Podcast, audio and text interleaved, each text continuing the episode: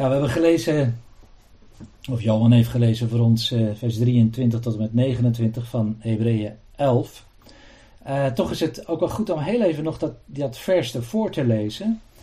Uh, daar staat dan, door het geloof heeft Jozef bij zijn sterven melding gemaakt van de uittocht van de Israëlieten. En heeft hij, op een, heeft hij een opdracht gegeven in verband met zijn gebeente. Dus dat vers 22, dat eindigt met het woord uh, gebeente.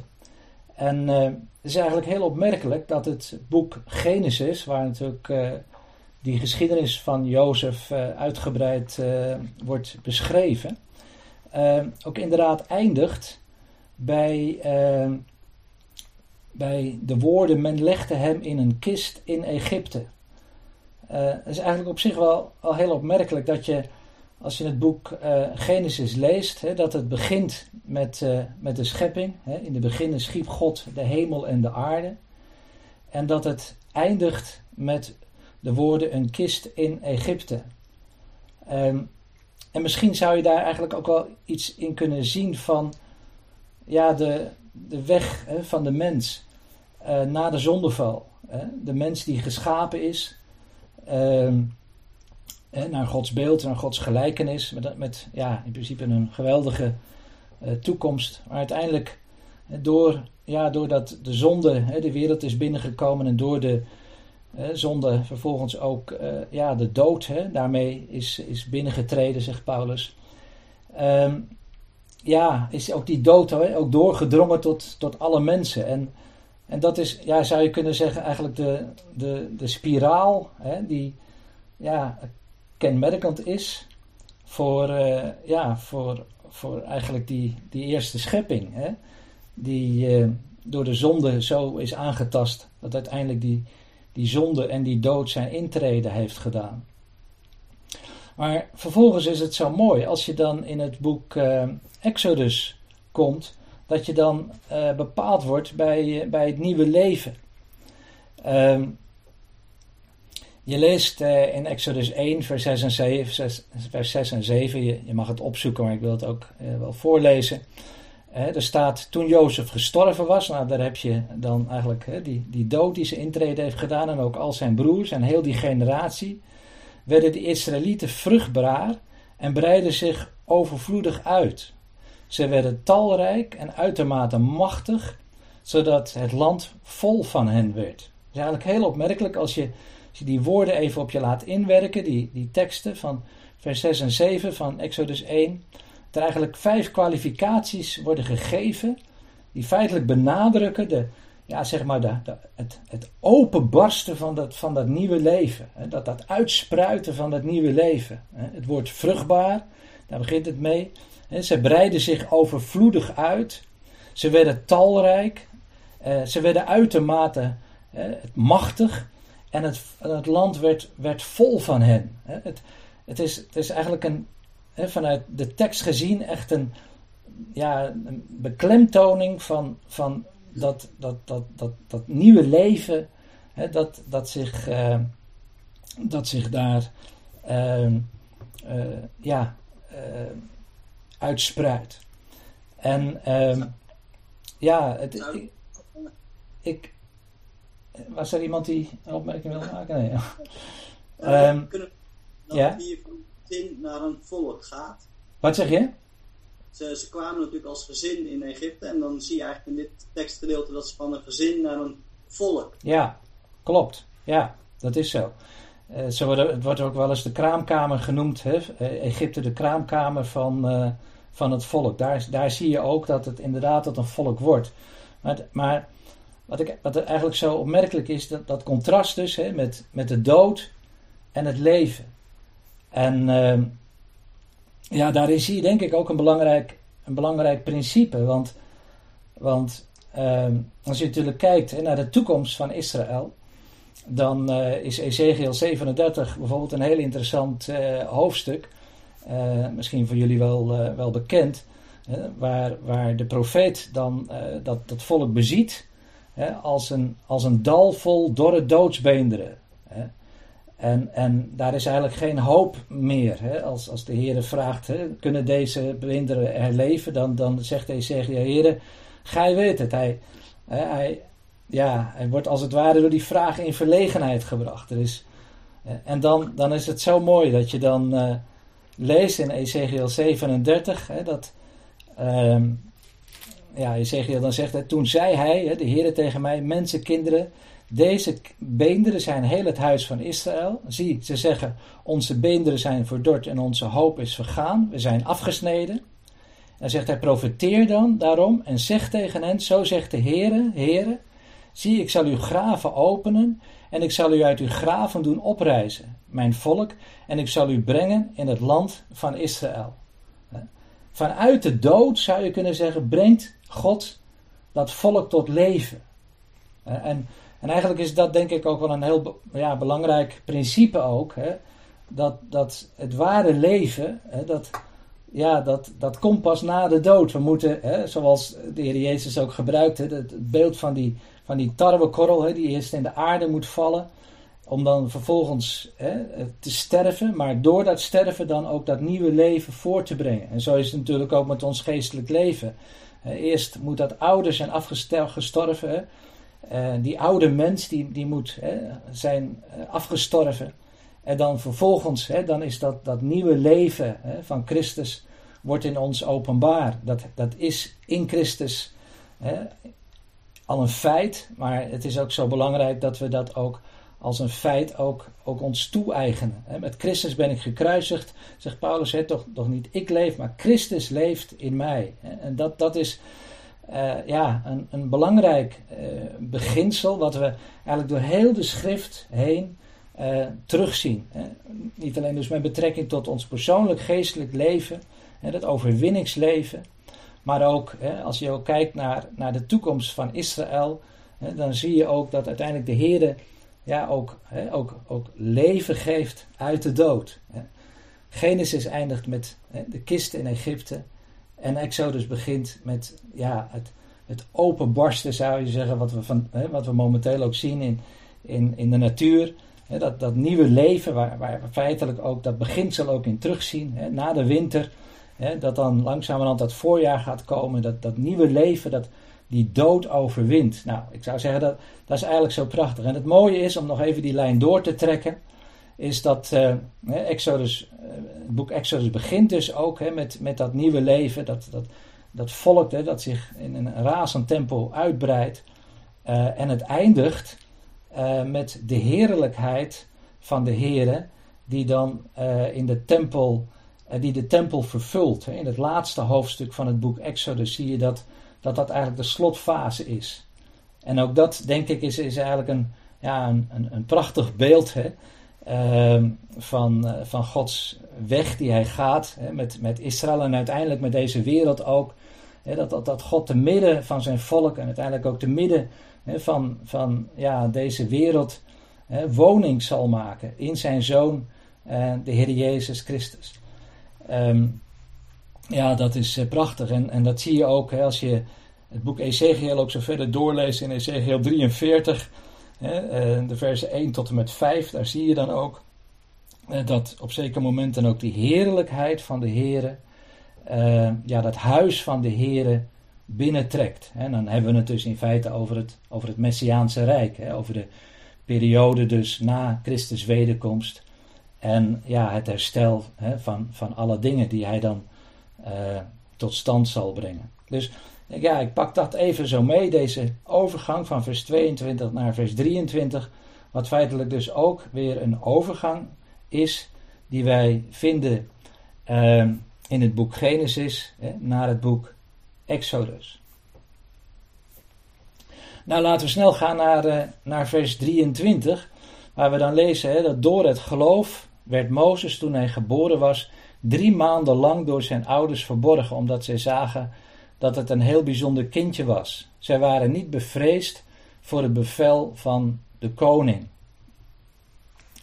Nou, we hebben gezien, hè, het, het repeteert voortdurend hè, die woorden door het geloof. Hè, die drie woorden, zou je kunnen zeggen, zijn de rode draad hè, die, door, die door deze um, dit hoofdstuk heen loopt en waar natuurlijk ja, in feite eigenlijk al die, die, die, die, die gelovigen hè, die hier worden genoemd, die eigenlijk één voor één één of meerdere aspecten van dat geloof belicht, waar ook wij dan ook, uh, en dat is ook mede natuurlijk uh, de bedoeling van deze studie, ook, uh, ook ons voordeel mee kunnen doen. Hè, waar ook wij vanuit onze lessen, onze geestelijke lessen, kunnen trekken door het geloof.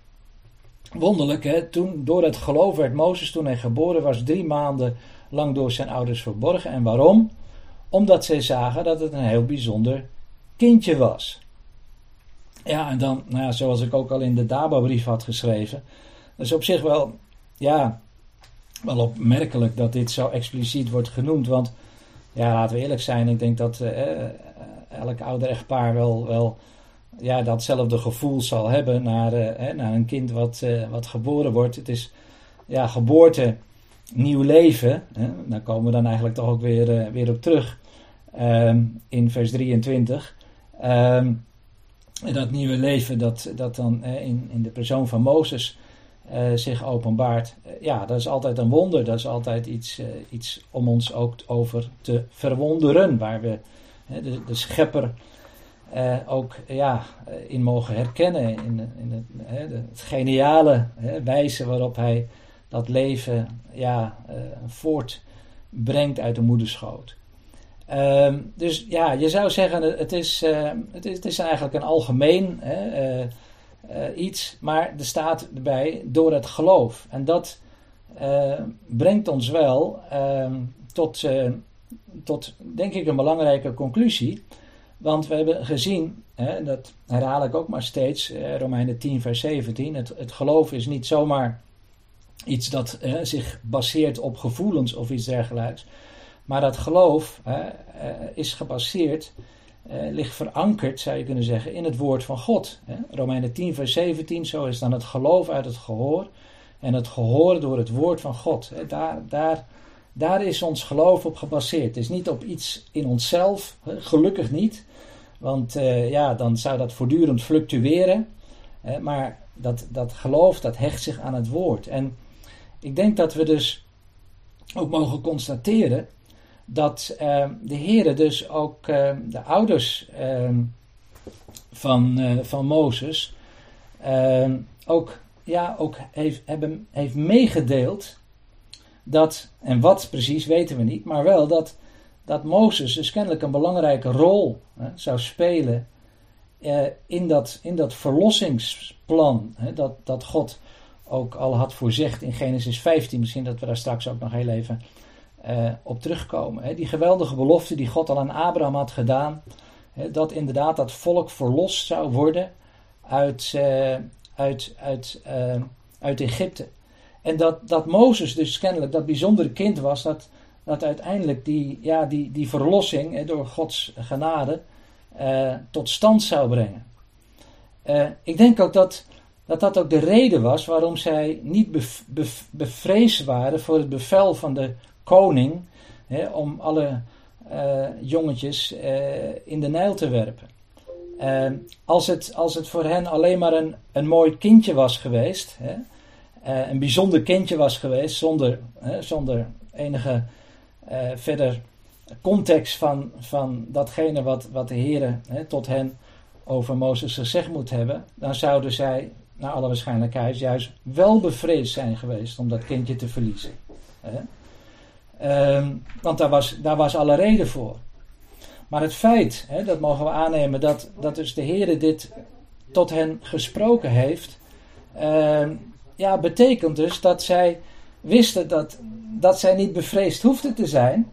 Want die, die, ja, die, die, die bediening van Mozes, hè, die, die, die roeping van Mozes, uh, ja, die moest uh, ten uitvoer gebracht worden. dus ik denk dat we daarin eigenlijk iets, iets terugvinden van, en de verklaring eigenlijk terugvinden van het feit dat zij dus niet bevreesd waren. Dit was een kind, het was een bijzonder kind, en dat kon niet sterven, want het moest hè, een, zijn roeping uh, vervullen. En, en zo zie je dan dat dat ja, geloof, hè, dat dat die vrees heeft overwonnen.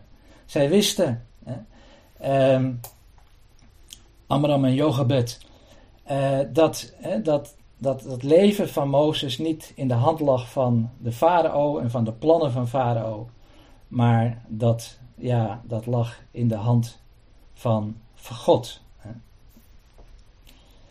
Um, ja, en dan, dan dan zie je als je dan verder doorleest in Exodus, hè, die, dus die, hè, dat, dat dat volk enorm hè, vruchtbaar wordt, zich overvloedig uitbreidt. En, en dan ineens, dan in vers 7 en 8 van Exodus 1, daar, daar komt die.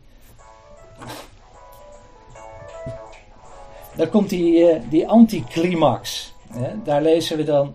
Ze werden talrijk en uitermate machtig, zodat het land vol van hen werd. En toen trad er een in Egypte een nieuwe koning aan die Jozef niet had gekend. En daar, daar zie je eigenlijk, ja, daar, daar vindt een, een, ja, een, een, een, een omslag plaats. Hè. Het volk zal het hè, lange tijd goed gehad hebben. En natuurlijk vooral dankzij de positie van Jozef. Um, maar, en, en, en hoe die geschiedenis ongetwijfeld ook is, is, is doorverteld. Maar dan komt die omslag. Er, treedt een, in Egypte een nieuwe koning aan. En naar alle waarschijnlijkheid uh, is dat een, een, nieuwe dynastie geweest van, van farao's. En dat is mede ook af te leiden uit, uh, uit de toespraak van uh, Stefanus in Handelingen 7. Een hele interessante toespraak die hij houdt daar tot het volk.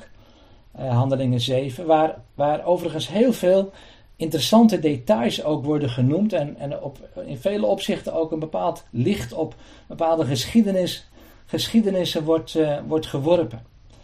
Uh, Stefanus zegt daar in vers 17, eh, waarin hij dan die geschiedenis van Israël verhaalt aan zijn volksgenoten. Naarmate echter de tijd van de belofte die God aan Abraham gezworen had naderbij kwam, groeide het volk en nam het in aantal toe totdat er een andere koning opstond die Jozef niet gekend had. Je ziet dus dat eigenlijk twee belangrijke dingen, dat, dat Stefanus uh, die belofte van Abraham, uh, ja, hè, dus, dus, dus memoreert en dat hij ook ziet hè, dat, die, dat die belofte hè, van, van die 400 jaar dat het volk daar in, in ballingschap zou zijn, uh, dat die ten einde kwam en dat, dat dat volk dan groeit en nam toe in aantal.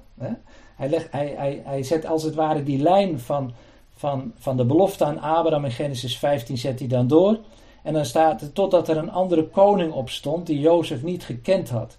Nou, het interessante is dat het Grieks heeft twee verschillende woorden voor het begrip, voor het woord ander, voor, voor het begrip ander. Uh, je hebt een, een ander van hetzelfde soort. Ehm, maar dat wordt hier niet gebruikt. Hier wordt het uh, gebruikt een ander van een ander soort. dus het was inderdaad een andere, uh, zou je hier vanuit de grondtekst kunnen opmaken, een andere farao, maar die eigenlijk ook vanuit een andere dynastie kwam. Dat zou je hieruit kunnen opmaken. Een, een farao die dus Jozef niet heeft gekend. En dan, wat misschien denk ik nog veel belangrijker is, is dat deze koning een einde wil maken aan, aan al die Joodse jongetjes. En, uh, en dan, dan zeg je, ja, nou ja, weet je, ik las uh, vanavond net nog weer in het Reformatorisch Dagblad uh, een artikel van uh, Rabijn Jacobs dat het antisemitisme zo ontzettend toeneemt weer in Nederland. En ja, niet alleen in Nederland, maar eigenlijk ook in heel, heel Europa. Ehm, en daar worden dan ook allerlei details ook van, van gegeven. Hoe hij vroeger eigenlijk hè, als rabbijn vrij uh, ja, kon, kon, uh, op, zich op straat kon begeven. En dat dat, dat nu onmogelijk is. En dat hij ja, regelmatig wordt uitgescholden enzovoort enzovoort. En echt met heel veel ja, haatdragende opmerkingen wordt achtervolgd. Dat is echt onvoorstelbaar. Um, maar ik denk tegelijkertijd, en dat is natuurlijk hè, antisemitisme, ik denk dat we dat wel eens vaker met elkaar besproken hebben. Hè, antisemitisme is anti-shame. Haar shame, dat is de naam. Hè. Als Joden spreken over, over, over de Heere God, dan uh, spreken zij vaak over haar de naam, omdat ja, de naam zelf uh, ja, wordt door Joden niet, uh, niet uitgesproken vanwege de heiligheid van de naam en vanwege het, de, de, de zorg die zij hebben dat zij die naam ijdel zouden gebruiken, hè, wat de Heer verbiedt, um, heel uitdrukkelijk in de tien woorden. Um, maar dan denk ik vooral dat het gaat, als het antisemitisme, anti-shame, dat het dus gaat in feite de strijd uh, niet alleen tegen het volk van Israël, hè, maar tegen de, tegen de God van Israël. En ja, we weten dat, dat de God van Israël uh, ja, ook een bijzondere plaats heeft toegekend aan, dat, aan het volk van Israël. Hè. Uh, het volk heeft natuurlijk dat woord voortgebracht. Hè. Je leest in Romeinen 3, hè, wat is dan het voorrecht van de Jood? Nou, vele, hè, maar toch de eerste, de meeste van die, die zijn, dat hun zijn de woorden Gods toevertrouwd. Maar bedenk dat, dat uit hen ook de Messias is voortgekomen. Hè. Romeinen 4, of Romeinen 9, vers 4, hè, uit hen is de Christus die is God boven alles te prijzen tot in eeuwigheid. Als Paulus daar die, die voorrechten van het Joodse volk opsomt, dan is dat ook met name wat, wat hij dan ook noemt.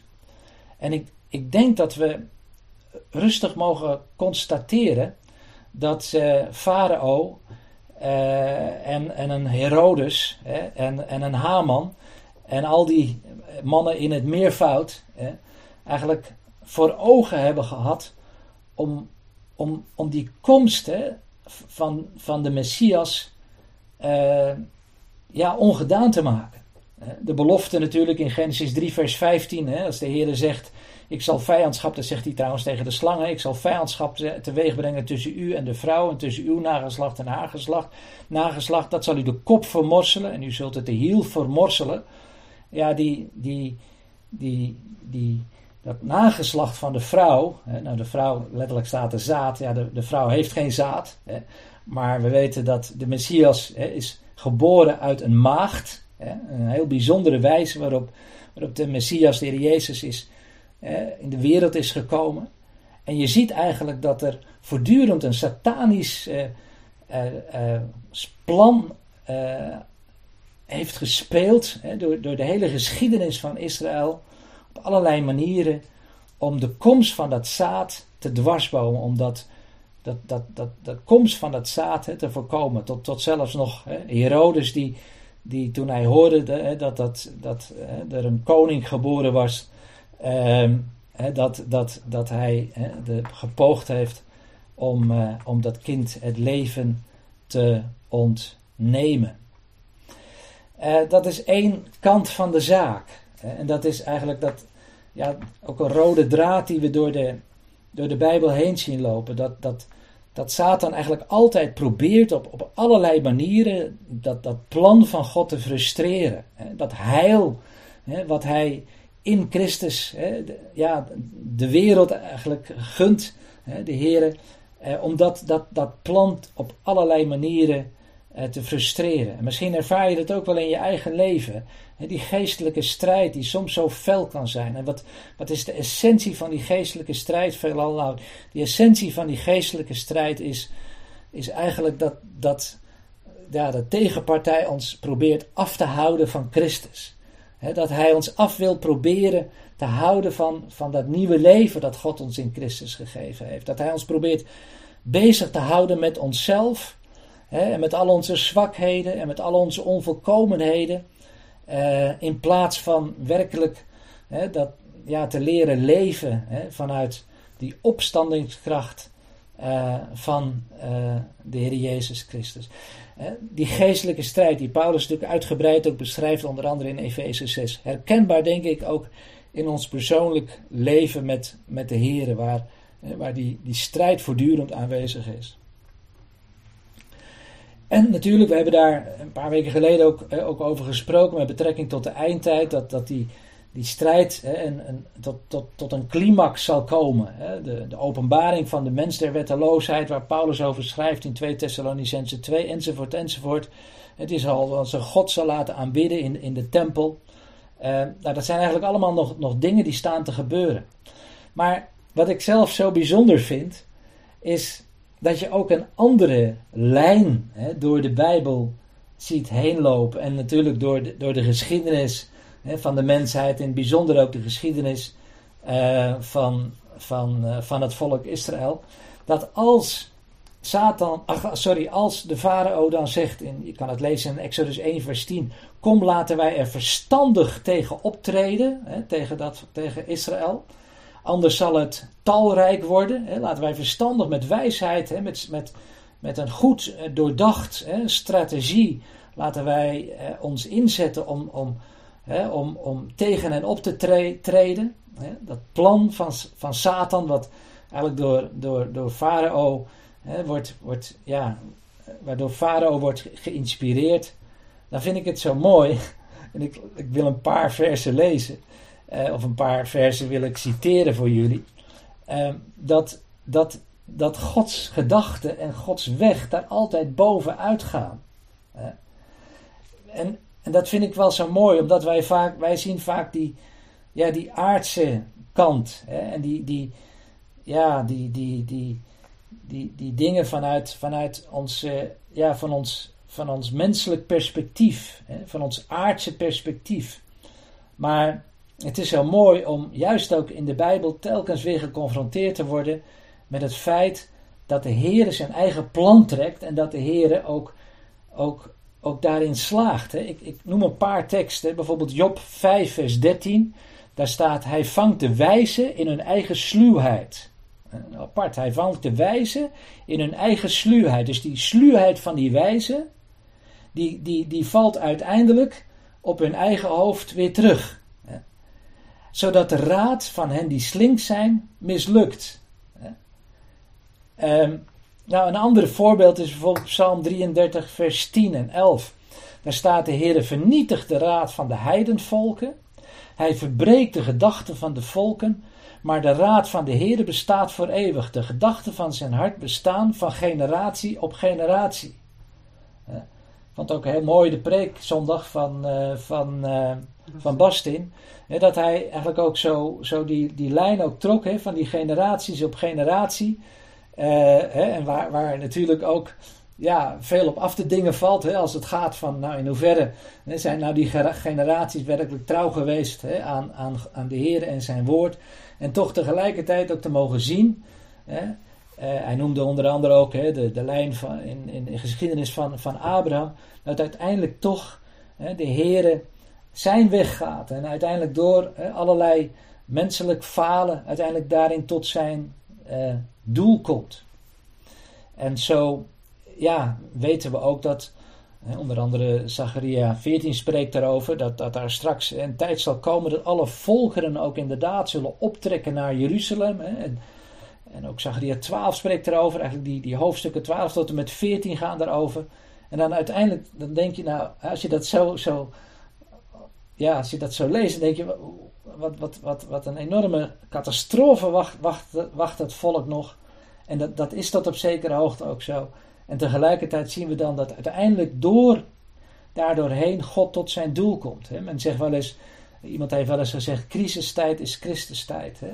De Heere die uiteindelijk daardoor, door die crisis heen, tot zijn doel komt. En dan die, ja, die raad van die heidenvolken uh, zal vernietigen. Hè. Zij zullen zich denken hè, te kunnen vergrijpen aan, aan dat volk uh, en aan Jeruzalem, hè, maar het zal een steen zijn hè, die zij moeten heffen. Maar alle die hem heffen, hè, zullen zich deerlijk verwonden, verwonden, staat er in Zacharia. Um, ook een mooie is, uh, bijvoorbeeld Spreuken 21, vers 30 en 31. Daar staat: Er is geen wijsheid, er is geen inzicht, en er is geen raad tegen de Heere. Mooi hè? Er is geen raad tegen de Heere. Een paard wordt gereed gemaakt voor de dag van de strijd, maar de overwinning is van de Heere. Nou, dat is natuurlijk prachtig als je dat ziet in het, in de context van, van de uittocht van het volk Israël uit Egypte. Ehm, want, want inderdaad, hè, we weten dat op dat laatste moment dat, dat, dat, dat Israël wordt ingesloten hè, aan, door hè, achter zich de legers van de farao en voor zich de Schelfzee. Ehm, en naar, naar alle waarschijnlijkheid is het ook een hele nauwe, nauwe plek geweest waar zij hè, nog, nog links, nog rechts, nog voor, nog achteruit konden. En dan ineens, dan, ja, door een wonder, hè, uh, dan gaat die schelfzee, die, die splijt. En die, daar creëert de Heer juist een vluchtweg. En dan, dan gaat dat volk er doorheen. Ja, en, en die paarden hè, van, uh, en die wagens van Farao, ja, die komen vast te zitten uiteindelijk in dat, ja, hè, in, in, in, die, in, die, in dat slip. En dan, dan, dan ja, gaat dat water, dat, dat komt langs, hè, dat gaat weer terugkeren. En dan, dan zingt Mozes, hè, dan zongen de Mozes en de Israëlieten, Exodus 15, vers 1, eh, dit lied voor de Heere. En zij zeiden, ik zal zingen voor de Heere, want hij is hoog verheven. Het paard en zijn ruiter heeft hij in de zee geworpen. Geen raad tegen de Heer is mogelijk. Een paard wordt gereed gemaakt voor de dag van de strijd. Uiteindelijk is de overwinning uh, van de Heer. Wel, met betrekking tot, tot de farao is het ook opmerkelijk dat de Heer dat ook expliciet ook zegt. Hè? In uh, Exodus 9, vers 15 en 16.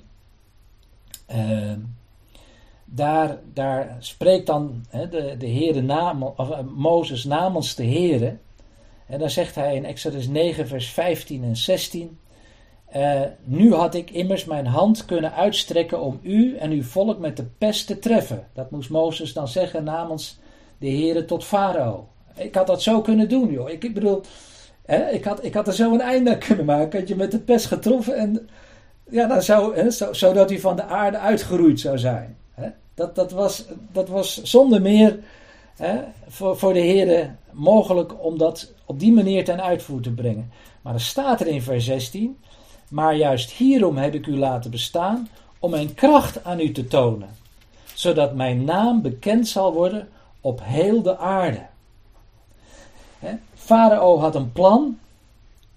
Het plan om dat, dat volk uiteindelijk te, te, vernietigen, dat het voortbestaan van dat, dat, dat volk eigenlijk te, ja, te torpederen. En de heren die dan zeggen, ja maar wacht eventjes, dat is jouw plan. Maar ik heb ook een plan. En ik heb je nou juist, Farao, daarom laten bestaan. Om mijn kracht aan u te tonen. Het is ook heel opmerkelijk dat je eerst leest in het boek Exodus dat, dat Farao zijn hart verhardde. En, dat op, en dan op zeker moment er ook een kantelpunt gaat komen. En dat de Heere dan het hart van de farao gaat verharden. Dat, dat er een moment gaat komen dat, ja, dat, dat dan de Heere werkelijk ook, ook farao geen kans meer geeft om weer ja, op zijn schreden terug te keren. Hij heeft kansen gehad, hij heeft gelegenheden gehad. En dan uiteindelijk, ja, dan gaat de Heere zich verheerlijken in de farao. Hij verheerlijkt zich natuurlijk bij voorkeur, hè, mag duidelijk zijn. Door zijn genade, door zijn liefde, door zijn verlossing, door zijn heil. Maar als, als inderdaad de mens zich blijft verharden, ja, dan, dan begeeft hij zich op zeer glad ijs. En dan, in dit geval van, van de farao, dan gaat de Heere zich dus via een andere weg zich verheerlijken. Namelijk, dan gaat hij zijn kracht betonen aan de farao. En dan doet hij dat, zo staat er, opdat zijn naam bekend zou worden op heel de aarde. Nou, het is heel mooi als je dat leest, het getuigenis van Rahab, dat ken je wel in Joshua 2, hè, waar zij dan uh, uh, die, die verspieders hè, dan, dan, uh, dan, dan, dan de gelegenheid geeft hè, om zich eerst te verstoppen en dan vervolgens ze dan in de gelegenheid stelt hè, om, om, om, om te vluchten. maar dan zegt zij, ik weet, zegt zij dan in Joshua 2, vers 9 en 10, dat de Heer u dit land gegeven heeft. Rahab de hoer. Ik weet dat u dit en dit land gegeven heeft. En dat de schrik voor u op ons gevallen is. En dat al de inwoners van dit land weggesmolten zijn voor angst van u. Want, zegt dan Rahab, wij hebben gehoord dat de Heere het water van de Schelfzee voor uw ogen heeft doen opdrogen toen u uit Egypte ging. Dus dat moet een geweldige gebeurtenis zijn geweest, waar, waarmee inderdaad hè, eigenlijk ook die volkeren ook, ook zich bewust zijn geworden van de, de grootheid hè, van God en de schrik hè, die, die, van de Heere die, ja, die op de volkeren is gevallen. Zo heeft hij zijn, zijn naam bekendgemaakt hè, op, op heel de aarde. En dan is het ook wel mooi dat in Romeinen 9, dat, als laatste wil ik dat nog even noemen. Ehm, in Romeinen 9, vers 17, je weet, hè, Romeinen 9, 10 en 11 gaan over uh, Gods plan met Israël. Hoe hij uh, toch, ondanks het feit dat zij in ongehoorzaamheid zijn gevallen. En, en Paulus eigenlijk begint met die grote smart te, te, te, te delen van zijn hart. Dat hij zelfs wel van Christus verbannen zou wensen te zijn ten behoeve van zijn broeders, zijn verwanten naar het vlees. En dan gaat hij zo verder, eigenlijk ook weer die geschiedenis van Israël na, hoe God dan ook ja, in, in dat volk gewerkt heeft.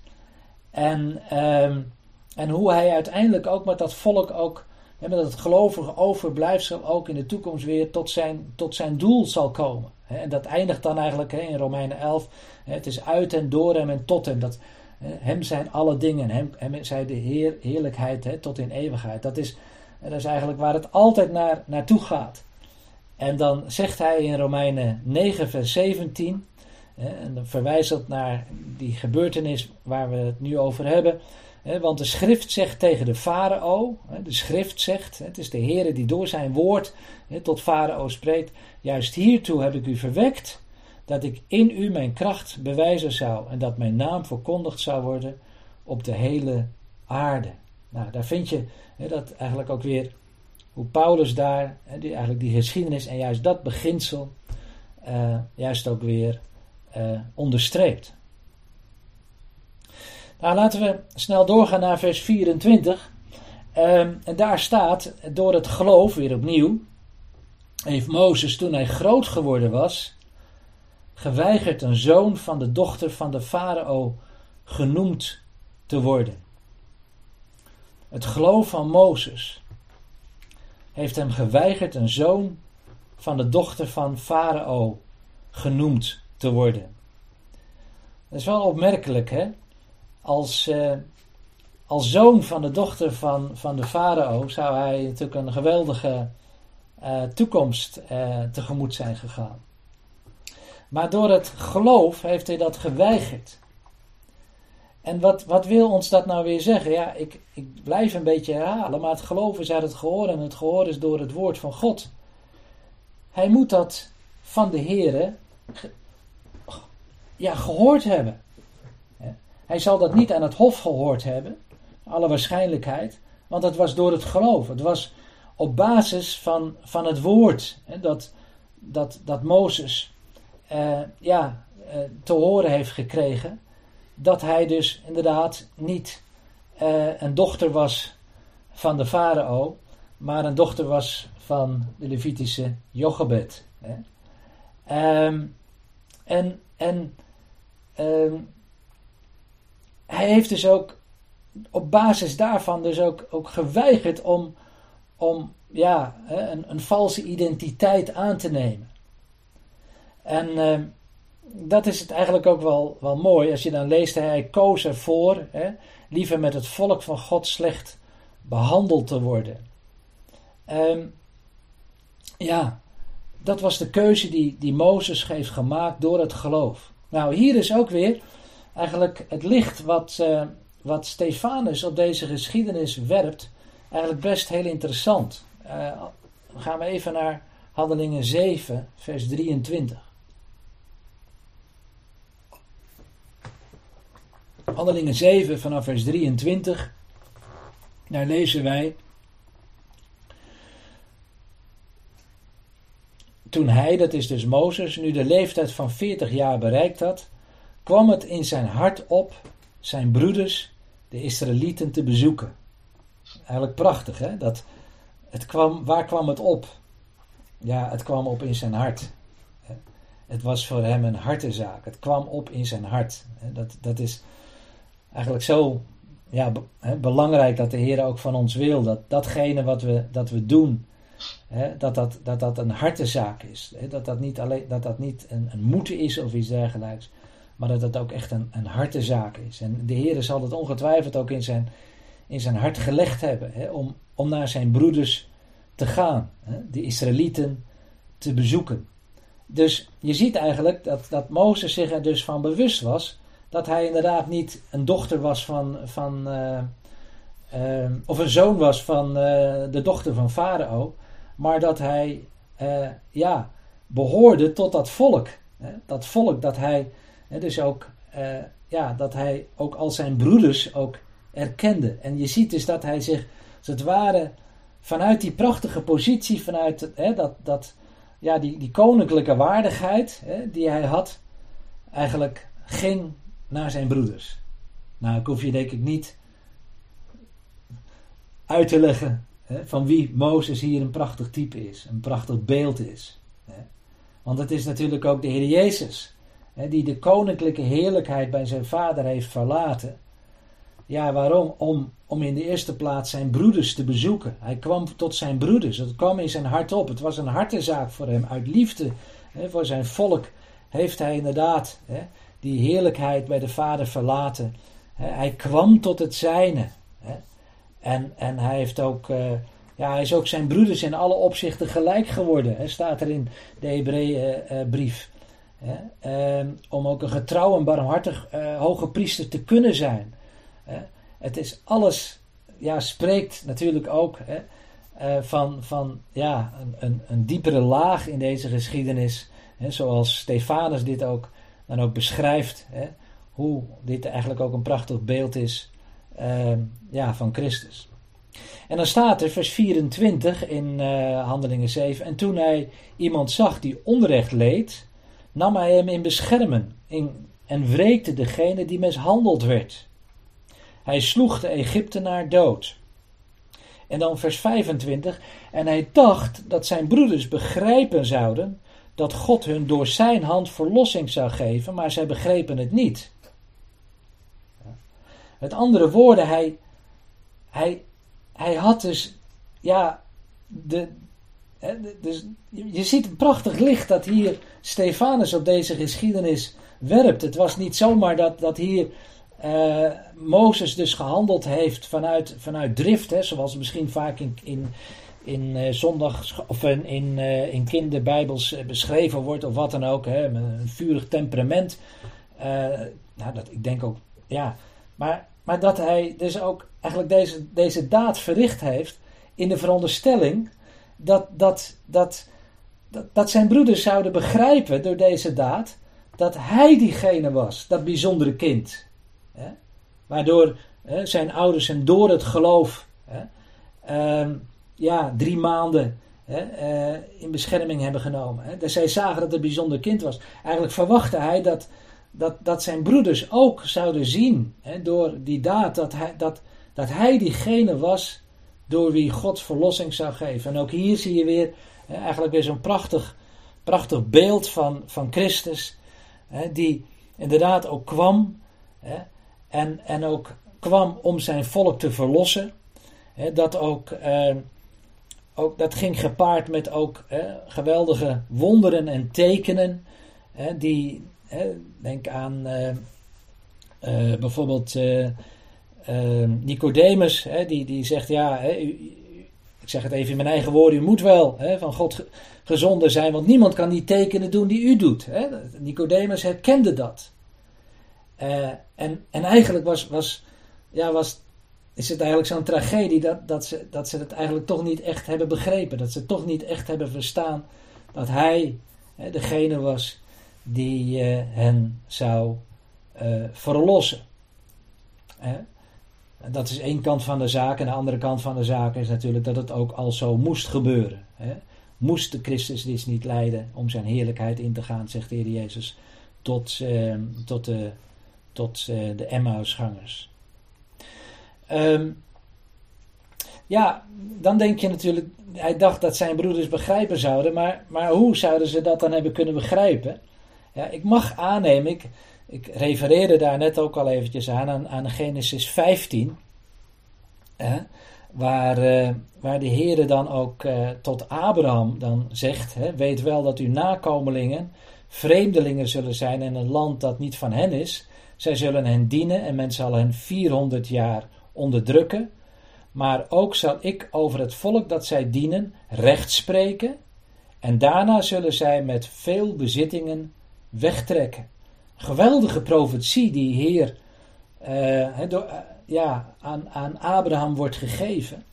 En je zou uit de woorden van Stefanus uh, kunnen opmaken dat, dat dit ook wel een, een, ja, een, een lijn is die, die ook ja, eigenlijk toch ook wel moet doorverteld zijn hè, aan, aan, aan, aan, aan het volk. En natuurlijk ook hè, als we bedenken dat, uh, waar we mee begonnen, hè, dat, uh, dat uh, Jozef ook opdracht had gegeven om zijn gebeente mee te nemen. Um,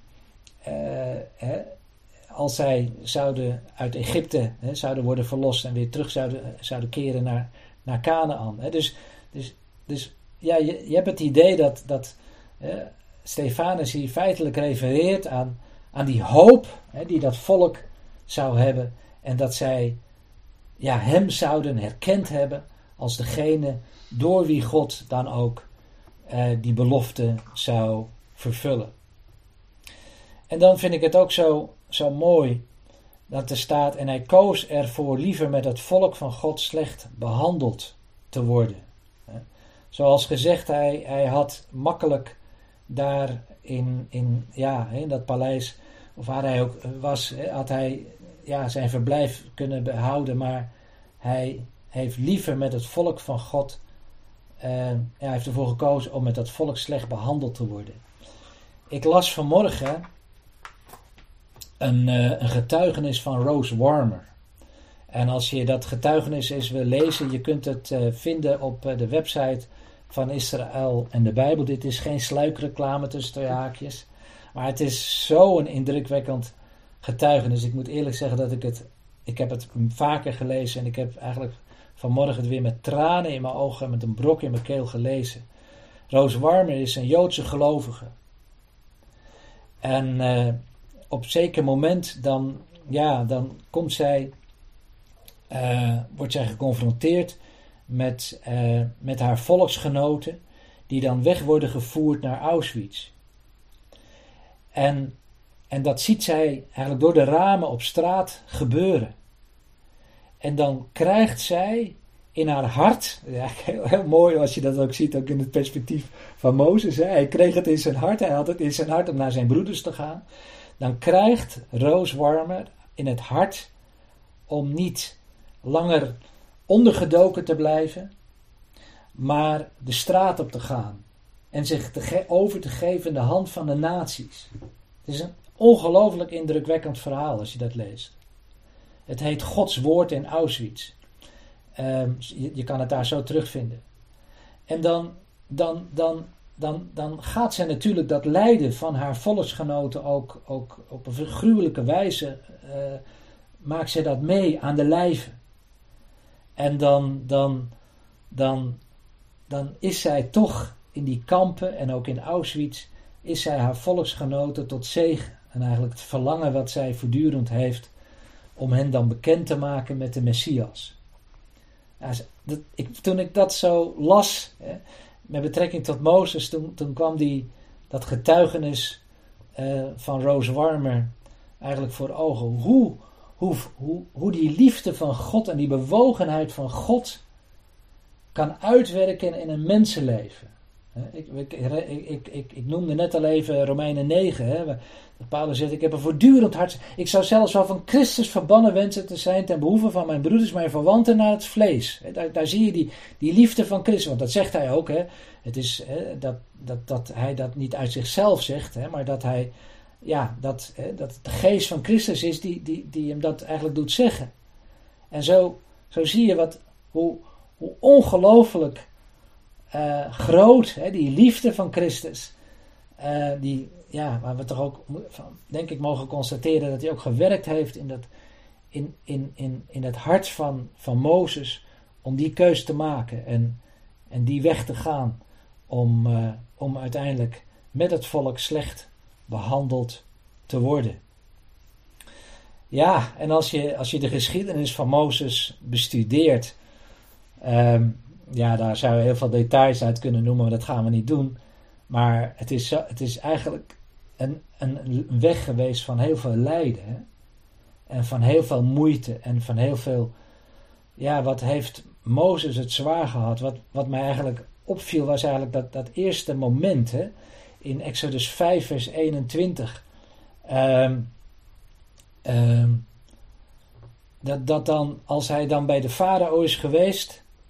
Hè, en de farao dan, dan, dan zegt: Ja, maar dat volk dat is lui. Dat, uh, dat, dat wil wel weg, maar dat is eigenlijk lui. Dat moet nog harder aangepakt worden. En dan moeten zij. Uh, niet alleen die bakstenen, maar, maar ze moeten dan ook stro vergaren. En dan, dan, dan moeten zij dezelfde ja, productiecapaciteit moeten zij dagelijks realiseren. En dan, als dan Mozes dan bij de farao is geweest, dan wachten de voormannen van de Israëlieten wachten hem op. En dan zeggen ze tegen Mozes, hè, mogen de Heere op u toezien en mogen hij oordelen, Exodus 5 vers 21, omdat u ons in een kwade reuk gebracht hebt bij de farao en bij zijn dienaren, door hun een zwaard in hun handen te geven om ons te doden. Met andere woorden, je hebt, wat heb je nou gedaan, Mozes? Je, je hebt het eigenlijk voor ons alleen nog, alleen nog maar veel beroerder gemaakt. Wat, wat, wat moet dat voor Mozes een, ja, een, een ongelooflijk ja, pijnlijke ervaring zijn geweest. Dat hij door het geloof, hè, die weg is gegaan om naar zijn broeders te gaan. Door het geloof, hè, ook, ook door het woord van de Heer naar de farao is gegaan. En dan moet je het resultaat eens zien. Het resultaat is, is alleen maar, ja, hè, alleen maar beroerder erop geworden voor, voor, voor de Israëlieten. Het is zo contraproductief, hè, Mozes, wat je gedaan hebt. En dan, en, dan, en dan zie je de wanhoop bij Mozes, als je dan leest in vers 22 en vanaf vers 22, dat, dat Mozes zich in zijn wanhoop hè, tot de Heere keert en zegt: Heere, waarom hebt u dit volk kwaad gedaan? Waarom hebt u mij dan gezonden? Ja, vanaf het ogenblik dat ik naar de farao ben gegaan om in uw naam te spreken, heeft hij dit volk kwaad gedaan. En nu hebt u volk helemaal niet gered. En dan het antwoord van de Heer in vers 24. Nu zei de Heer tegen Mozes: nu zult u zien wat ik de farao zal aandoen. Voorzeker door een sterke hand zal hij hen laten gaan. Ja, door een sterke hand zal hij hen uit zijn land verdrijven. Uh, nou goed, even, even om aan te geven wat, wat dat betekend heeft. en wat voor, ja, wat voor diepe weg Mozes is gegaan om zijn roeping te vervullen. En als je ja, dan Mozes voor ogen ziet, dan, dan zie je natuurlijk Christus hè, voor ogen. Uh, maar je denkt ook aan, aan de apostel Paulus, hè, die ook, ook zo, zo, zo ontzettend diepe weg is gegaan. En ook de andere apostelen natuurlijk. Uh, in het lijden wat hun ten deel is gevallen door ja, hun volk uh, te dienen.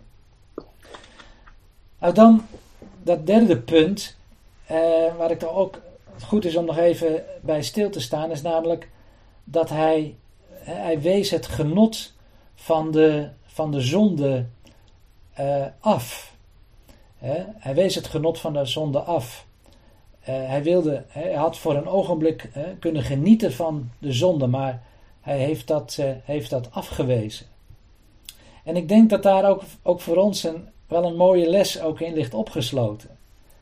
Ehm, want je zou zeggen, kan je dan als, als, als gelovige nog van de zonde genieten? Ik denk dat het antwoord ja is, tot op zekere hoogte wel.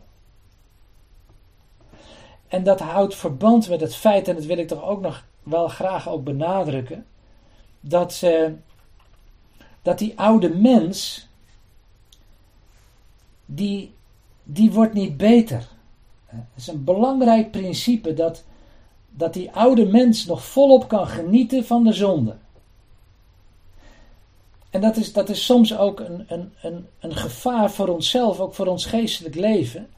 Dat we, dat we proberen, hè, onder het begrip heiliging, hè, dat we als het ware proberen om die oude mens uh, ja, tot, tot, te verbeteren. Om die oude mens uh, ja, wat, wat religieuzer te maken. Of wat meer in, in gehoorzaamheid hè, aan God te brengen.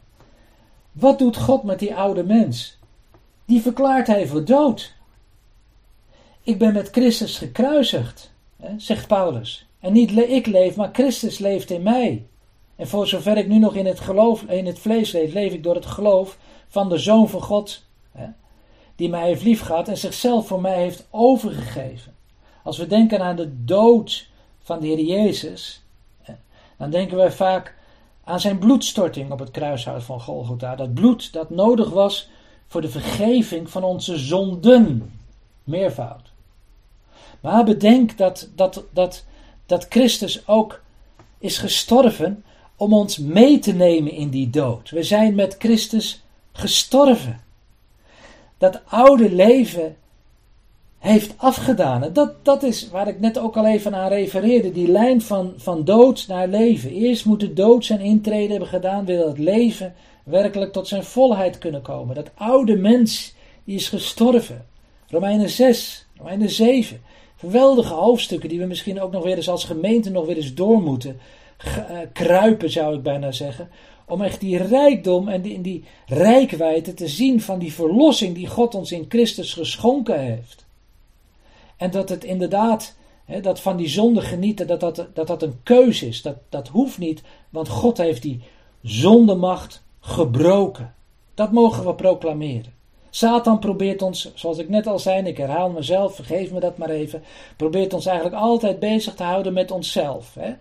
En, en, en dan en je teleurgesteld maken en, en je kan het toch niet en, enzovoort enzovoort. En Gods geest, die bepaalt ons bij Christus. Die bepaalt ons bij de gestorven, maar wat meer is, zegt Paulus, hè, de opgestane. De Christus, degene die de dood heeft overwonnen, met wie ook wij zijn gestorven om vervolgens met hem ook op te staan in een nieuw leven. Dat is de kracht van het evangelie. En uh, ja, bijzonder dus dat we dat eigenlijk ook zien, ook in, in dat leven van Mozes dat hij ervoor gekozen, niet voor gekozen heeft om, van die, om zich aan die oude mens over te geven, om van die zonde te genieten. maar inderdaad, uh, ja, de smaad van Christus hoger te achten dan de rijkdommen uh, van Egypte. Het is heel op, opmerkelijk dat, dat de apostel uh, dat ook uh, hier dan ook zegt. vers 26 zijn we inmiddels beland. Hij beschouwde de smaad van Christus als grotere rijkdommen dan de schatten in Egypte, want hij had het loon voor ogen. De smaad van Christus. Ja, dan denk je van. Maar, maar heeft de apostel hier misschien dan toch een foutje gemaakt? Want zou Mozes zich dan ook echt bewust zijn geweest dat hij ook deel heeft gehad aan de smaad van Christus? De smaad van Christus die, die nodig was om zijn volk te verlossen. Hij heeft buiten de legerplaats geleden, schrijft de Hebreeën schrijven. Uh, moet hij dan, uh, moet Mozes dan die, ja, die smaad van Christus gekend hebben? En hoe heeft hij dat dan, hoe heeft hij dat dan gekend? Ja, dat zijn natuurlijk best wel, best wel moeilijke vragen. Maar ik denk persoonlijk, en misschien dat we straks nog wel gelegenheid ook hebben om daar nog even over na te praten, dat die oud-testamentische gelovigen meer kennis van Christus hebben gehad dan wij misschien veronderstellen. Wij denken misschien vaak dat eigenlijk die kennis van Christus begint bij Matthäus 1, vers 1, het geslachtsregister van Jezus Christus. Nou, ik denk dat we dat niet denken, want we ik denk dat als we hier vanavond eh, zo met elkaar bezig zijn met de studie, dat we weten dat, het, dat er heel veel in het Oude Testament natuurlijk uh, wordt geprofiteerd hè, over, over Christus. En dat, dat heel veel om, om Christus beter te leren kennen, hè, we juist ook die informatie van het Oude Testament zo enorm nodig hebben, die profetieën. En zeker ook hè, als het gaat, ook in deze, hè, ze spreken ook over de leiderstijd, zo deze weken zo voor, voor, voor Pasen, waar we toch ook hè, vaak, ja, misschien in meer of mindere mate daar ook bij bepaald worden. Waarin de psalmen juist hè, dat, dat lijden, dat diepe lijden van Christus uh, zo, zo aandoenlijk beschrijven. Hè. Um, dus ja, wat, wat mij dus ook zo intrigeert, is um, bijvoorbeeld met, van Abraham, dat er, dat er staat, dat de Heer Jezus zegt in, in, in Johannes 8, vers 56, Abraham, uw vader, verheugde zich er sterk op dat hij mijn dag zou zien, en hij heeft die gezien en heeft zich verblijd. Is dat niet apart? Wat de Heer Jezus hier zegt met betrekking tot Abraham. Abraham, ja, was een visionair zou je kunnen zeggen. Ja, maar niet zomaar een visionair. Hij heeft dus dingen gezien die eigenlijk veel, veel verder gaan dan, dan dat je zo zou verwachten. Ik denk dat je vanuit deze tekst kunt, kan, kan opmaken dat de Heer Abraham hè, heeft meegenomen in de tijd hè, en, en hem geplaatst heeft in de dag van Christus. Ik denk dat die dag van Christus eigenlijk, uh, eigenlijk de betekenis heeft van, van die dag waarin, niet die dag van 24 uur, maar die dag waarin uiteindelijk dat alles in vervulling zal gaan. Waarin dat, dat verlossingsplan van God uiteindelijk ook, ook, ook openbaar zal worden. Hij heeft mijn, mijn dag gezien en hij heeft zich verblijd. Um, ik, als ik het maar goed ben geïnformeerd, is dat woordje verblijden wat hier wordt gebruikt echt een hele sterke uh, term. Hij heeft als het ware een huppeltje gemaakt. Uh, hij, heeft, hij heeft echt uitdrukking gegeven van een geweldige blijdschap die hem is overvallen door datgene wat hij heeft uh, gezien van die dag. Over Mozes staat niet een dergelijke tekst, behalve dan datgene wat we dan hier vinden, over dat hij de voorkeur heeft gegeven, zeg ik het een beetje, verzak ik het een beetje. Hè? Nee, moet zeggen, hij beschouwde de smaad van Christus als een grotere rijkdom hè, dan de schatten in Egypte. Dus Mozes moet ook iets geweten hebben van, van die smaadheid die op Christus is, is gevallen. En ja, ik moet dan ook, ook denken aan die woorden hè, die de Heer Jezus uh, ook gesproken heeft tot de Emmausgangers. Hè, als hij zegt in uh, Lucas 24, vers 26: moest de Christus dit niet lijden en zo in zijn heerlijkheid ingaan. En dan staat er, en hij begon bij Mozes en bij al de profeten en legde hun uit wat in al de schriften over hem geschreven was. Hij begon bij Mozes. Heel interessant, Mozes die dus ja, heeft, heeft gesproken over dat lijden dat over Christus moest komen om zijn heerlijkheid in te kunnen gaan. We weten dat die weg dat die weg, dat dat de enige weg was om uiteindelijk tot, tot die heerlijkheid uh, te kunnen komen. En Mozes heeft daar al over gesproken. En uh, ja, uh, ik denk ook bijvoorbeeld aan een tekst uit Deuteronomium 18, vers 15, ehm, waar de Heer zegt: Een profeet uit uw midden, uit uw broeders, of zegt, zegt Mozes dan tot zijn volksgenoten: Zoals ik zal de Heere uw God voor u doen opstaan en naar hem moet u luisteren. Nou, dat, dat is een tekst die later wordt aangehaald door, door Petrus in Handelingen 3. Ehm, dus, dus, dus Mozes wist dat er iemand was die zou opstaan, hè, een profeet, zoals ik. Nou, je weet dat Mozes een hele unieke plaats hè, uh, had uh, in zijn relatie tot God. Hè. En, en op dezelfde wijze zoals er geluisterd moest worden naar Mozes, zo moet er, hè, zegt Mozes, ook geluisterd worden naar die profeet die de Heer uit uw midden zal doen opstaan. En ik vind dat altijd zo mooi hè, met, met het profetisch woord, dat als het ware de tijd boven de tijd uitstijgt. Hè. Dit, dit is al duizenden jaren hè, tevoren is dat voorzegd dat dat gebeuren zou. En dan, dan, dan, dan is het zo mooi hè, dat, dat, dat Petrus hè, die, dezezelfde woorden ook weer, weer, uh, weer oppakt in Handelingen 3, in die bijzondere toespraak die hij daar tot het volk ook houdt. na dus die Pinkse toespraak in handelingen 2 en handelingen 3. die geweldige toespraak die hij daar houdt. Naar aanleiding van die verlamde man hè, die genezen wordt. Um, wat denk ik ook weer een beeld is van Israël. Een man die, die verlamd was van, van de schoot zijn moeder af. Nou, zo was eigenlijk Israël ook niet in staat om in de wegen des Heren te wandelen. Maar in de naam van Jezus mocht hij gaan lopen. Nou, en dan, eh, dan zie je dus dat eh, in het laatste gedeelte dat is ook Petrus ook deze profetie ook meeneemt. En, en dat is denk ik ook voor ons zo, zo mooi. Hij beschouwde de smaad van Christus als grotere rijkdom dan de schatten in Egypte, want hij had het loon voor ogen. God beloont het geloof. Wij zijn helemaal niet loonwaardig.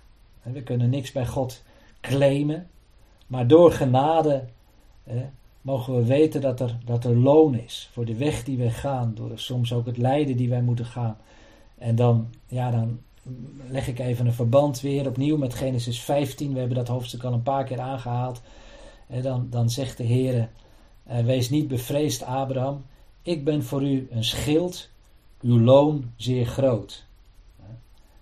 De Heere zelf is het loon van Abraham. En uh, ja, dat uh, mogen ook wij weten. Hè, dat uiteindelijk de Heere zelf hè, de beloner is.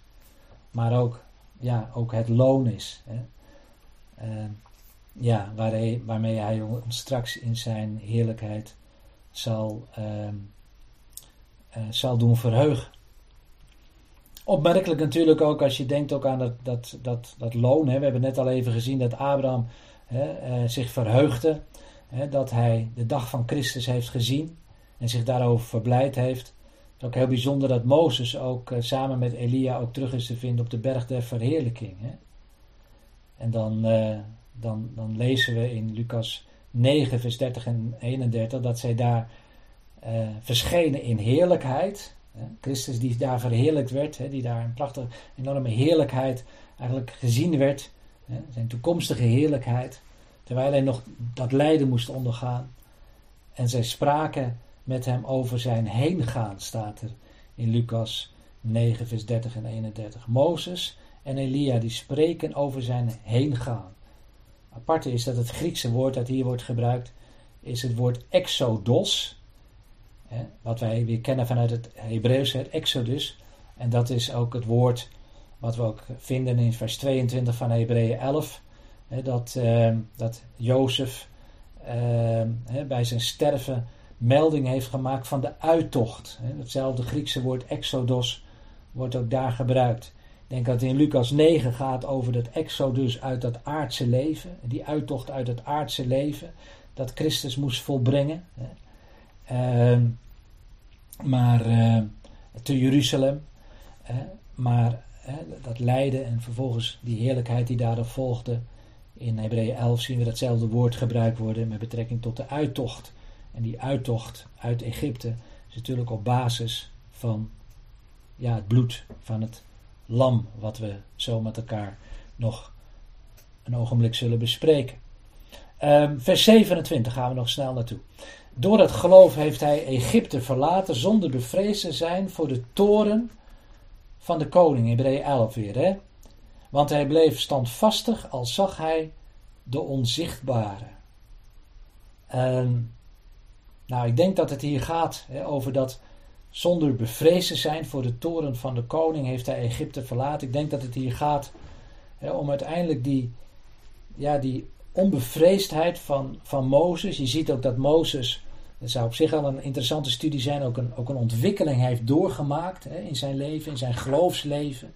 En dat hij uiteindelijk ook met dat, met dat hele volk, hè, en dan hij dan als de voorman, als de, degene door wie God die verlossing hè, tot stand zou brengen. En niet bevreesd is geweest voor de toren van de koning, hè, die, die, die dus aankwam stormen met de legers. Want hij bleef standvastig als zag hij de onzichtbare. Is dat niet een mooie uitdrukking? Al zag hij de onzichtbare. God is voor ons onzichtbaar. God is geest. Hij is voor ons de onzichtbare. En toch door het, door het geloof mogen we Hem aanschouwen. Mogen we ons oog op Hem gericht houden.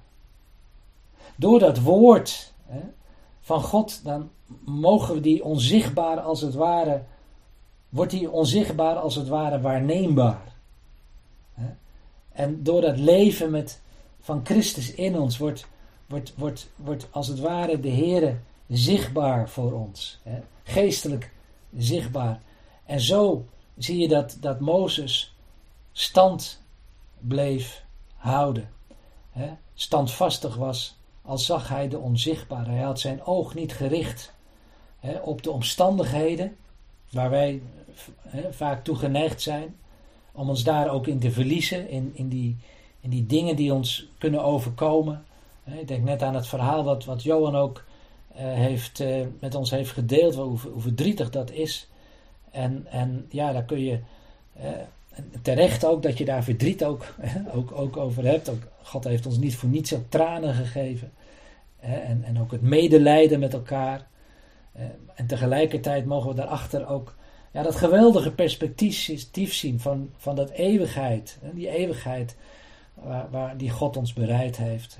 Door zijn Zoon, de Heer Jezus Christus. En mogen we zien op de onzichtbare. Het mooie is ook dat in Exodus 14, dat Mozes uh, dan uh, ook, ook, zegt, uh, op dat kritieke moment, hè, waar dat volk dan roept, hè, van, van uh, uitschreeuwt hè, in, in paniek. Als, als die legers van Egypte, van Farao, dan hun, hun, hun nadert. dan zegt hij, wees niet bevreesd, zegt hij. Houd stand. Zie, heel opmerkelijk, zie het heil van de Heer.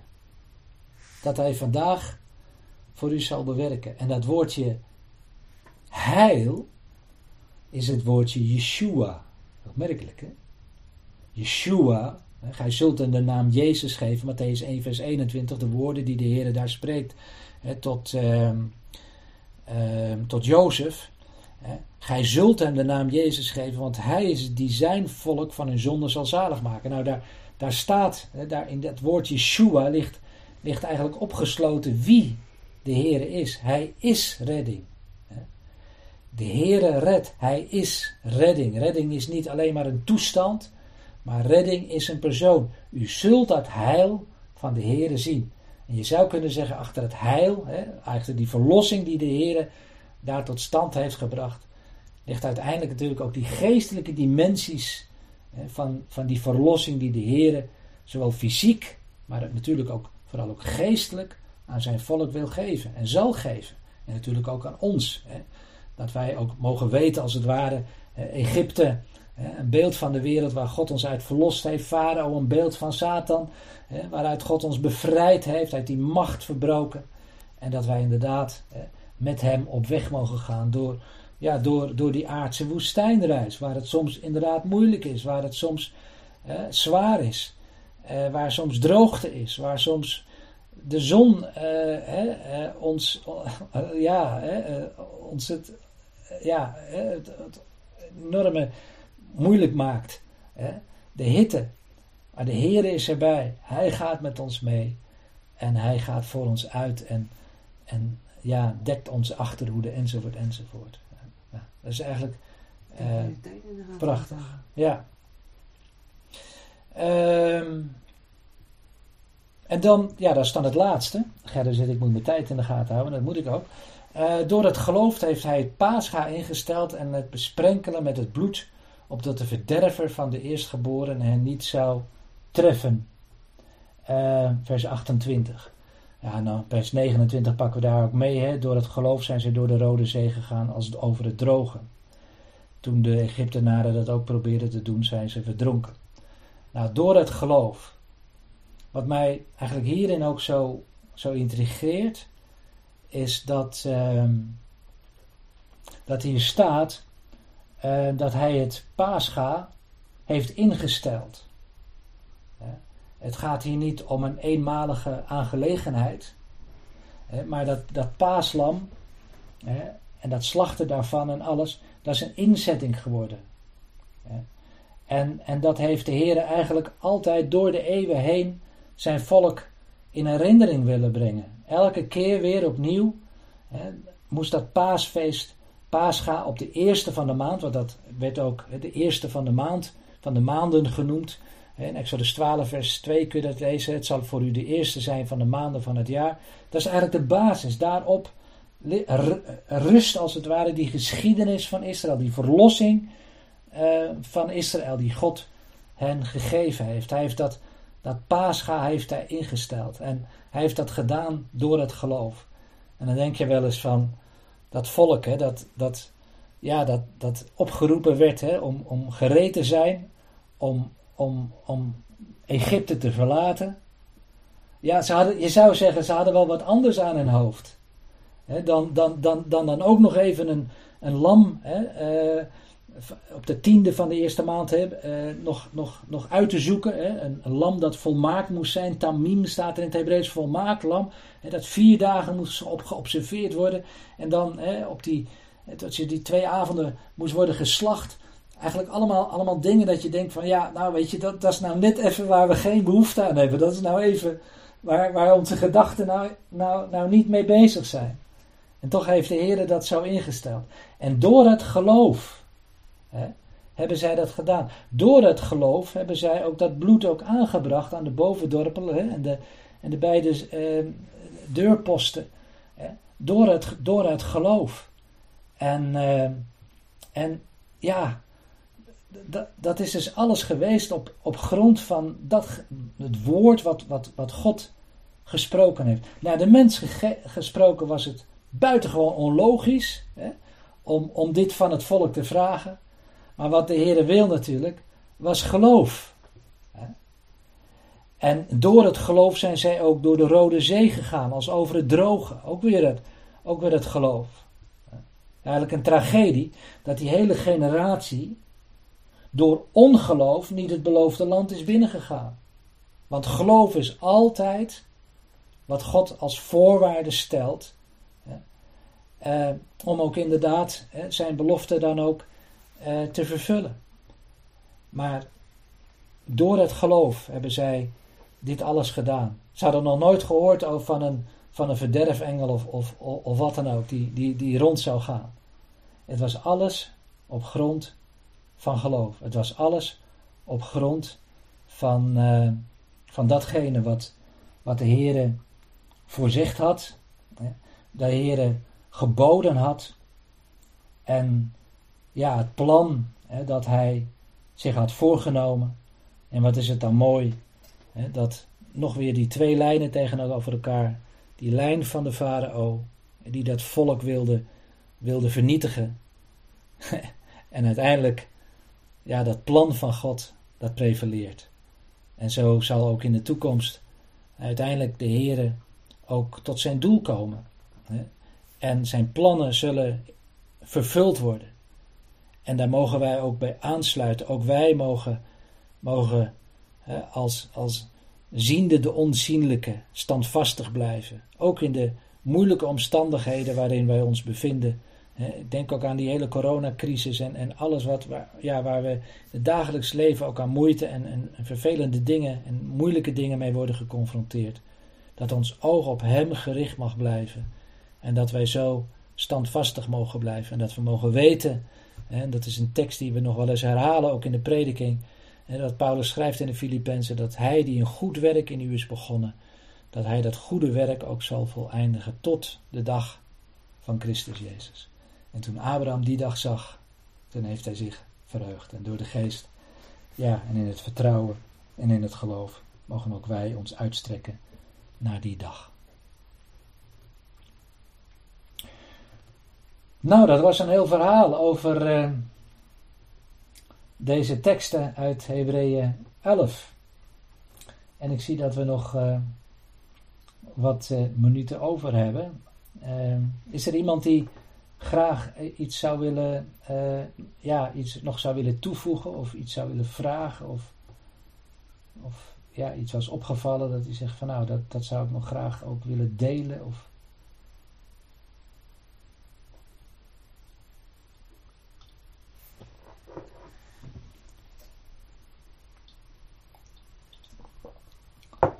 is boeiend dat, dat, dat de apostel juist hè, bepaalde elementen uit deze geschiedenis heeft, uh, heeft gehaald.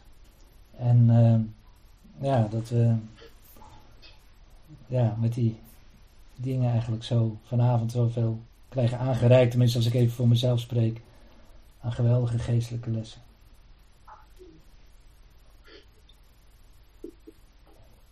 Ik had nog een, uh, een tekst uit Jezaja 59, vers 16. Ja. ja.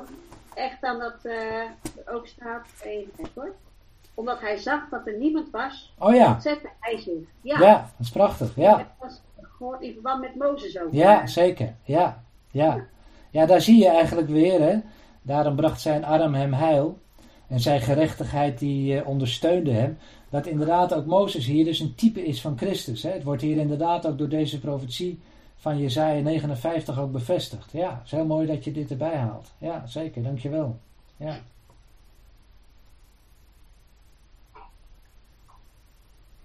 Mooi hè, zo te spitten in, de, in het woord van God. Ja, ja. Mooi.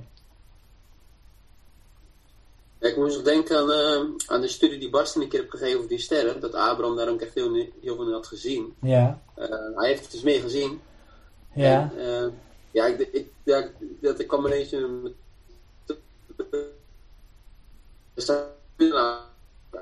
Van, Kees, je valt even weg. Volgens mij, maar dat weet ik niet precies. Oh. Ja. Nee, ik moest alleen uh, denken aan een studie die Bastin toen een keer gegeven had over die sterren. Ja.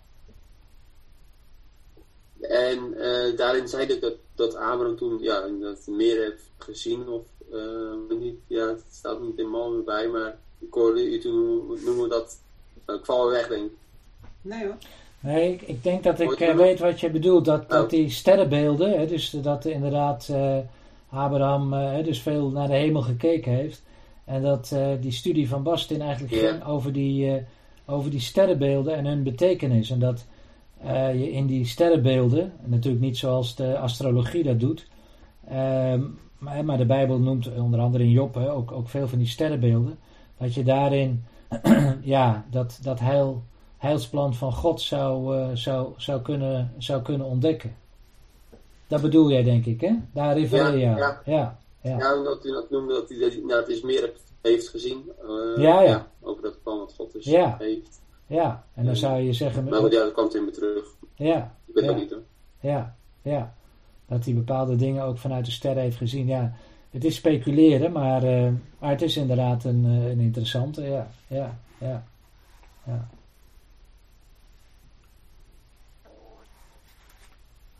Nou, toen de Heer Jezus geboren, eh, of in Jezus, de Heer Jezus in de tijd, toen hadden de Joden, die dachten natuurlijk dat hij hun kwam bevrijden van de, van de Romeinen. Dus waarschijnlijk hebben ze toen ook meer als een soort tweede Mozes gezien in eerste instantie, of niet? Begrijp je wat ik bedoel? Ja, ja, ja, zeker, ja, ja, ja, ja. Nou, dat, dat element zit er, eh, zit er zeker in. Kijk, het is natuurlijk heel opmerkelijk dat eh, in dat gesprek met de Emmausgangers, dat hij zegt eh, dat gij niet, eh, even kijken hoor, eh, Lucas 24, Nou, ik kan het er even bij pakken. Ehm, even kijken. Lucas 24. Ehm, oh ja, oh, dat, eh, nou ja, dat, dat, dat, dat, die Emmausgangers dan, eh, dan zeggen, tegen hem zeggen van, eh, nou ja, dat, vers 21, wij hoopten dat hij het was, hè, Lucas 24, dat die Israël zou verlossen. Maar ja, zegt hij, maar, maar al met al hè, is het vandaag al de derde dag sinds deze dingen gebeurd zijn. Dus zij hadden inderdaad die hoop dat hij degene was die Israël verlossen zou. En dan vers 25, dan geeft de Heer antwoord en zegt hij, o onverstandig en trage van hart dat u niet gelooft al wat de profeten gesproken hebben. Moest de Christus dit niet leiden en zo zijn heerlijkheid ingaan? Dus inderdaad, ik, ik, ik ben het met je eens dat uh, zelfs zijn discipelen, je kan het zelfs ook lezen, als ik het uit mijn hoofd zeg, Matthäus 16, hè, dat, dat, dat als hij begint te spreken over, als de Heer Jezus begint te leiden Ze spreken over zijn lijden, dat, dat Petrus hem apart neemt. En hij zegt, dat verhoede God, Heer, dat zal u geen overkomen. En dat hij dan ook Petrus ook moet, moet bestraffen. Dus inderdaad, dat, dat, dat zij niet alles hè, wat de profeten gesproken hebben geloofd hebben. Namelijk dat dat lijden vooraf moest gaan aan zijn heerlijkheid. Het is opvallend dat, zeg ik er dan altijd maar even bij, dat eh, binnen de, ja, een deel van de uh, kerkelijke theologie, christelijke theologie, uh, vaak wel oog is voor, voor, zijn, voor zijn lijden, maar juist geen oog is voor zijn heerlijkheid. Hè? Die, dat straks ja. zal, zal verschijnen. Dus je moet dat hele profetische woord moet je nemen. En inderdaad, ik ben het met je eens, Bert, dat zij dus heel erg gefocust waren op ja, die fysieke verlossing, hè, die, die, uh, waarvan zij hoopte dat hij het was, hè, die dat inderdaad tot stand zou brengen. Nou, dat, die hoop was terecht. Alleen wat ze over het hoofd hadden gezien, dat hij daar voor eerst dat lijden moest ondergaan om die heerlijkheid in te kunnen gaan. Ja. Ja. Mooi. Ja, er staat ook dat uh, Mozes het uh, heeft ingesteld. Ja. En toen liet je ook uh, merken dat het iedere keer weer gevierd moest worden. Is dat ook uh, tijdens de woestijnreis gevierd? Of is dat er weer opnieuw begonnen in, uh, toen ze het nieuwe land binnenkwamen?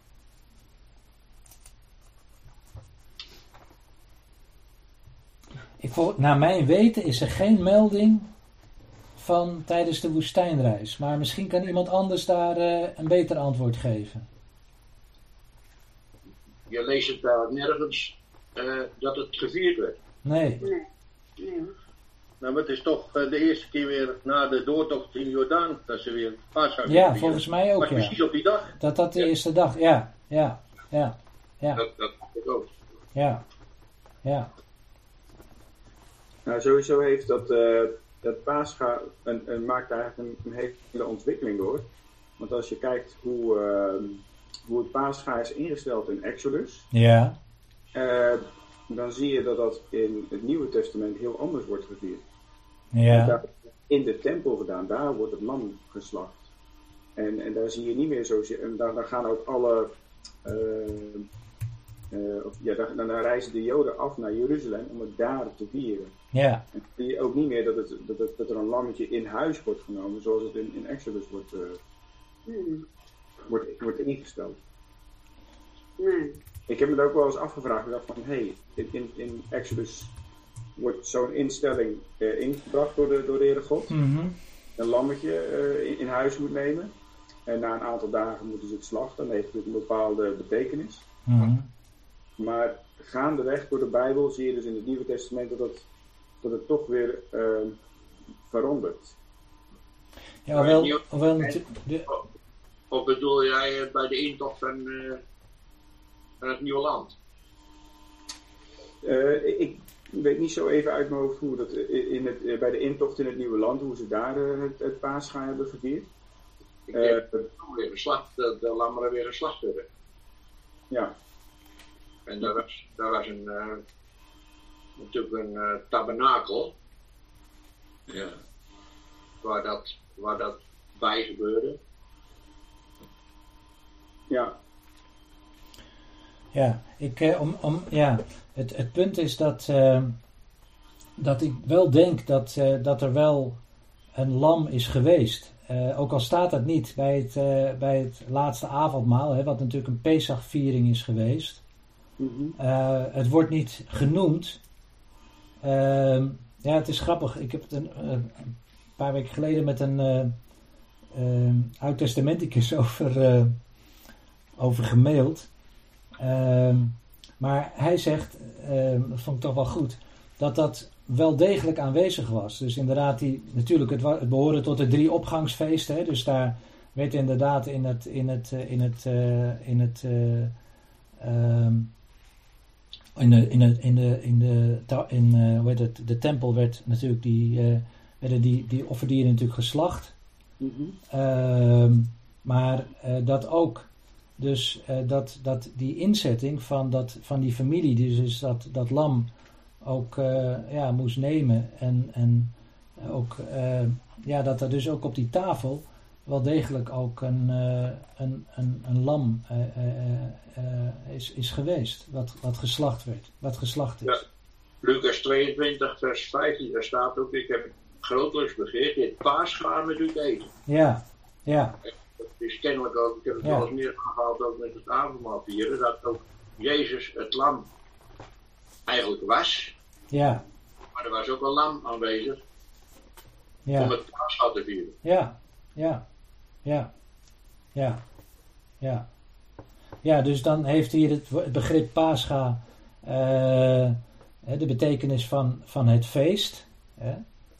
Eh, maar tegelijkertijd eh, is het ook heel eh, aannemelijk dat dus ook inderdaad, eh, dus ook dat lam daar ook heeft, eh, ook een onderdeel van is geweest. Het is trouwens zo dat ook vandaag aan de dag, ook op de sederavond door de Joden, daar ook altijd nog een lamsbod ook is.